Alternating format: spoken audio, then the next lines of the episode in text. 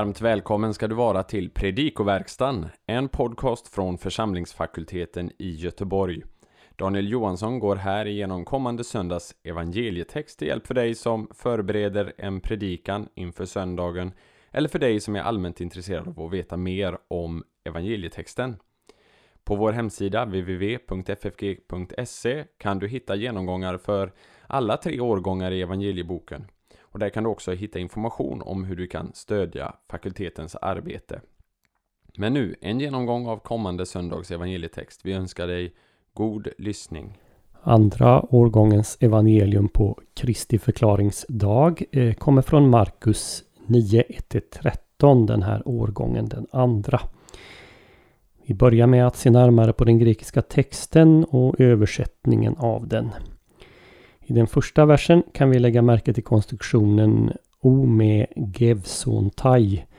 De ska aldrig någonsin eh, smaka. Den föregås av ett Amen säger jag er.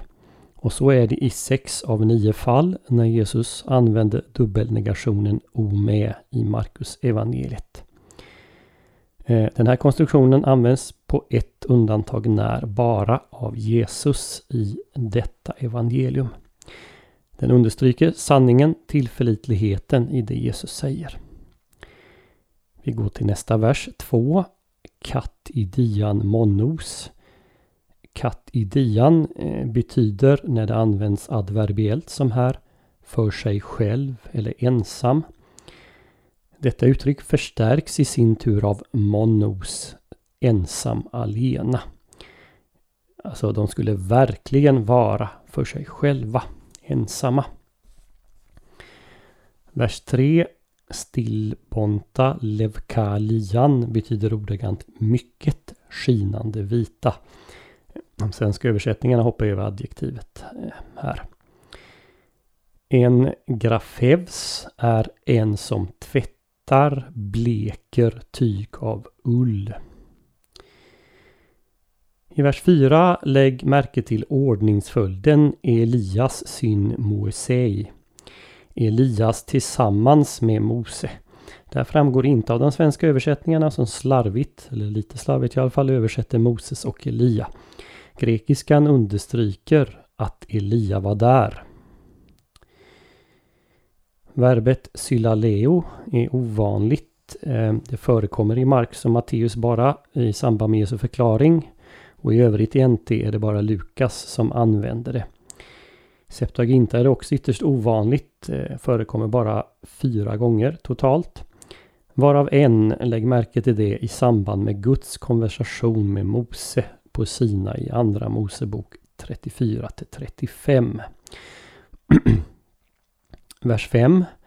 Kalon estin hemas hd einai kan översättas antingen som i Bibel 2000, det är bra att vi är här, eller som i folkbibeln, det är gott för oss att vara här. Eh, det beror på hur man uppfattar akkusativen hemas. Kalon estin är subjekt i satsen, det är gott eller det är bra. Detta följs av infinitiven einai, att vara, och adverbet hode. Det är gott att vara här. Akkusativen hemas är i sin tur subjekt till infinitiven. Den kan vi konvertera till svenska på två sätt och det är där översättningarna skiljer sig åt. Det är gott för oss att vara här eller det är gott att vi är här. Och vidare eh, Kai poiesomen. Kai som ju normalt sett betyder och är väl här närmast konsekutivt och vi behöver översätta med så och på en hortativ konjunktiv. Så låt oss göra. Vers 7. Episkiatsosa betyder överskugga eller täcka över. Det används i regel i samband med Guds närvaro i samband med teofanier. Bakgrunden finns i Septuaginta, Andra Mosebok 40.35. Vers 8. Alla ton jeson monon meth eh, heauton utom Jesus alena med dem. Eh, här lämnar de svenska översättningarna monos oöversatt. Vers 9. Katabainonton auton är en genetives absolutus när de gick ner, när de var på väg ner. Vers 10. Ti estin to ek nekron anastenai. Här översätter man till svenska vad som menades med att uppstå från de döda. Och det är en fullt möjlig översättning. Eh, det hänger samman med eh, hur vi förstår artikeln to. Syftar den enbart till att bestämma infinitiven anastenai? Eller är den anaforisk, det vill säga tillbakasyftande på det Jesus just sagt? I det senare fallet står lärjungarna undrande inför Jesu uppståndelse, inte uppståndelsen i allmänhet som man kan få intryck av de svenska översättningarna. Och för egen del, och de flesta kommentarer också, så tror jag att lärjungarna undrar över det Jesus precis har sagt. Hur kommer det sig att en, att människosonen Jesus, ska uppstå före alla andra? eh, för att få fram det här så kan man översätta De diskuterade med varandra om det var för uppståndelse från de döda han talade om. Så får vi lägga till han talade om. Eh, vers 11. Det första av de två hotti i den versen fungerar som en frågepartikel och här får man översätta med varför. Och till sist partikeln men i vers 12. Den kan antingen översättas med verkligen visserligen. Elias kommer visst först. Så tar de svenska översättningarna. Eller kan man förstå den som en del i en kontrast mellan vers 12 och 13. 13 som då inleds med alla. Och tar man fram den kontrasten så får man lämna men oöversatt. Evangeliet för andra årgången på Kristi förklaringsdag skiljer sig från övriga årgångar genom att det samtal som förs mellan Jesus och lärjungarna på vägen ner från berget också tas med.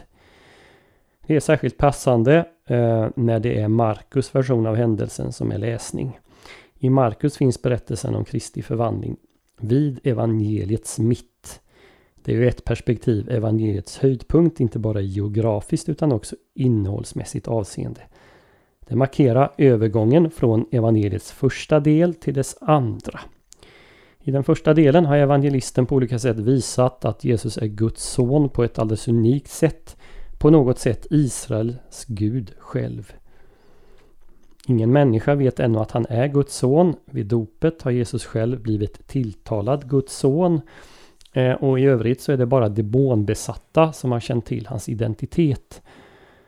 Men nu förvandlas Jesus inför lärjungarna. De får se honom i hans gudomliga härlighet och de får för första gången höra att han är Guds son.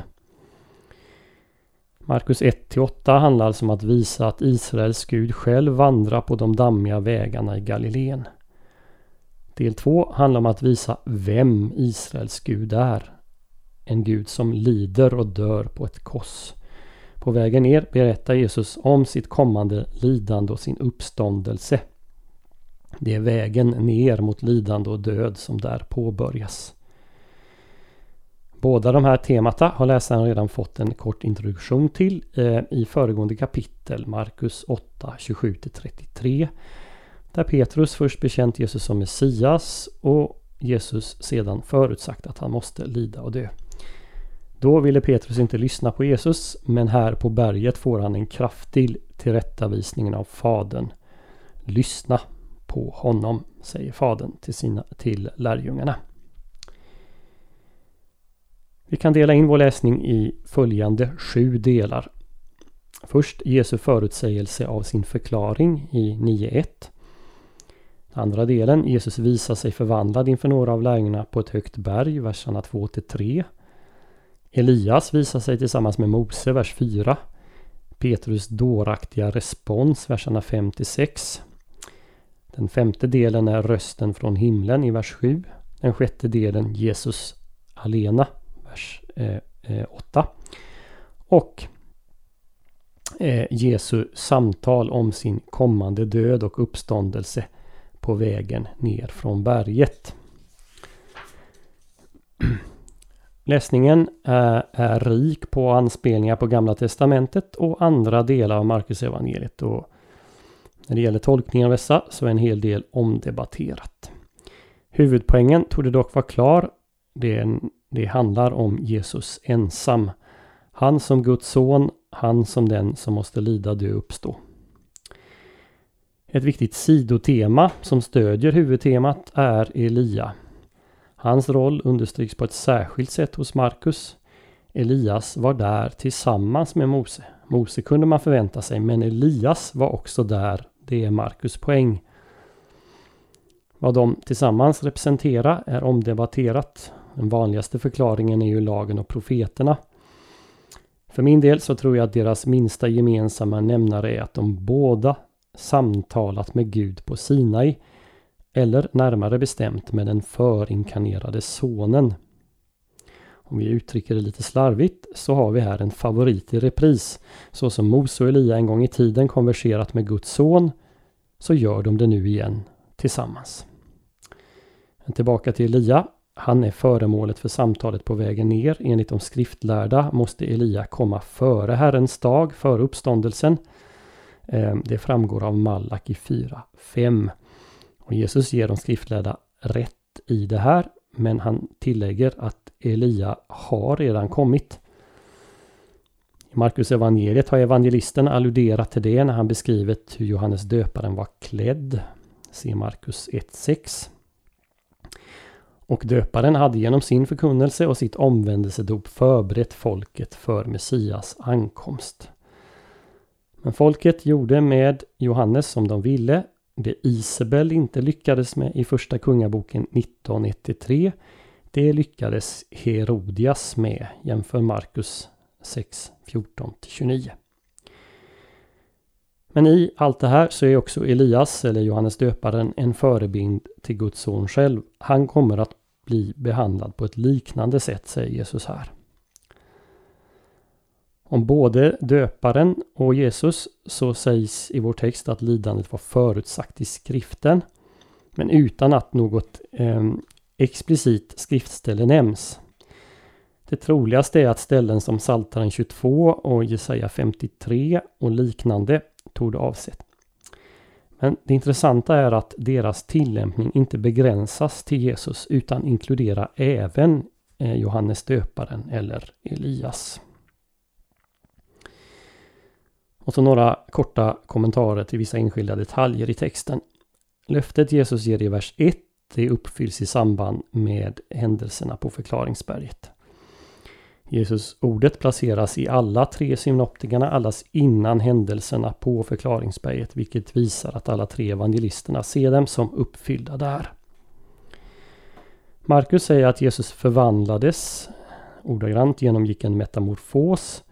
Men han beskriver inte vad som hände med Jesus själv utan enbart vad, vad som hände med hans kläder. Kan man jämföra med hur Jesus beskrivs eh, i Uppenbarelseboken kapitel 1, verserna 9 till 18. Jesus uppträder här i sin gudomliga härlighet. Primärt har vi här en hänvisning tillbaka till 8.38, alltså bara ett par verser bakåt. Där Jesus förutsäger att han en dag ska komma tillbaka i sin faders härlighet. Och det är i denna härlighet han nu visar sig.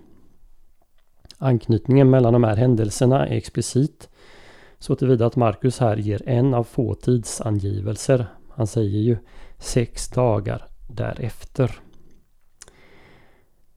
Det här är möjligen också en anspelning på de sex dagar som nämns i Andra Mosebok 24.15. Molnet som dyker upp är ett tecken på Guds närvaro Eh, det ser vi på många ställen i Gamla Testamentet. Jag har listat en del av dem i pdf-en till den här podden på FFGs hemsida. Vad vi har eh, är alltså två teofanier. Sonens teofani som består i att han visar sig i sin faders härlighet. Något som ju sätter skräck i lärjungarna. Markus förklarar att Petrus okloka förslag berodde på hans rädsla. Sonens teofani och Å andra sidan Faderns teofani genom molnet och rösten. Här möter alltså den paradox som kyrkans teologer kommer att brottas med under de kommande århundradena. En och likväl två som relaterar till varandra såsom fader till son. På vägen ner från berget ger Jesus de tre lärjungarna tystnadsplikt, åtminstone tills vidare. Men villkoret för tystnaden eh, är för länge sedan uppfyllt.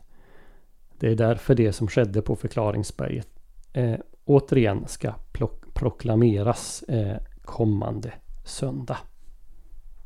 Så hoppas vi att denna genomgång får bli till hjälp och välsignelse för dig som har lyssnat. På vår hemsida www.ffg.se kan du hitta information om hur du kan stödja fakultetens arbete, bland annat som genom den här podcasten. Ett sätt att stödja är att skänka en gåva genom Swish. Församlingsfakultetens Swish-nummer är 123 100 8457. Alltså 123 100 8457. Mottagaren som anges är Peter Isak Bens utbildningsstiftelse. Märk gärna gåvan FFG Podcast om du vill stötta just denna podden. Så önskar vi dig allt gott och Guds välsignelse.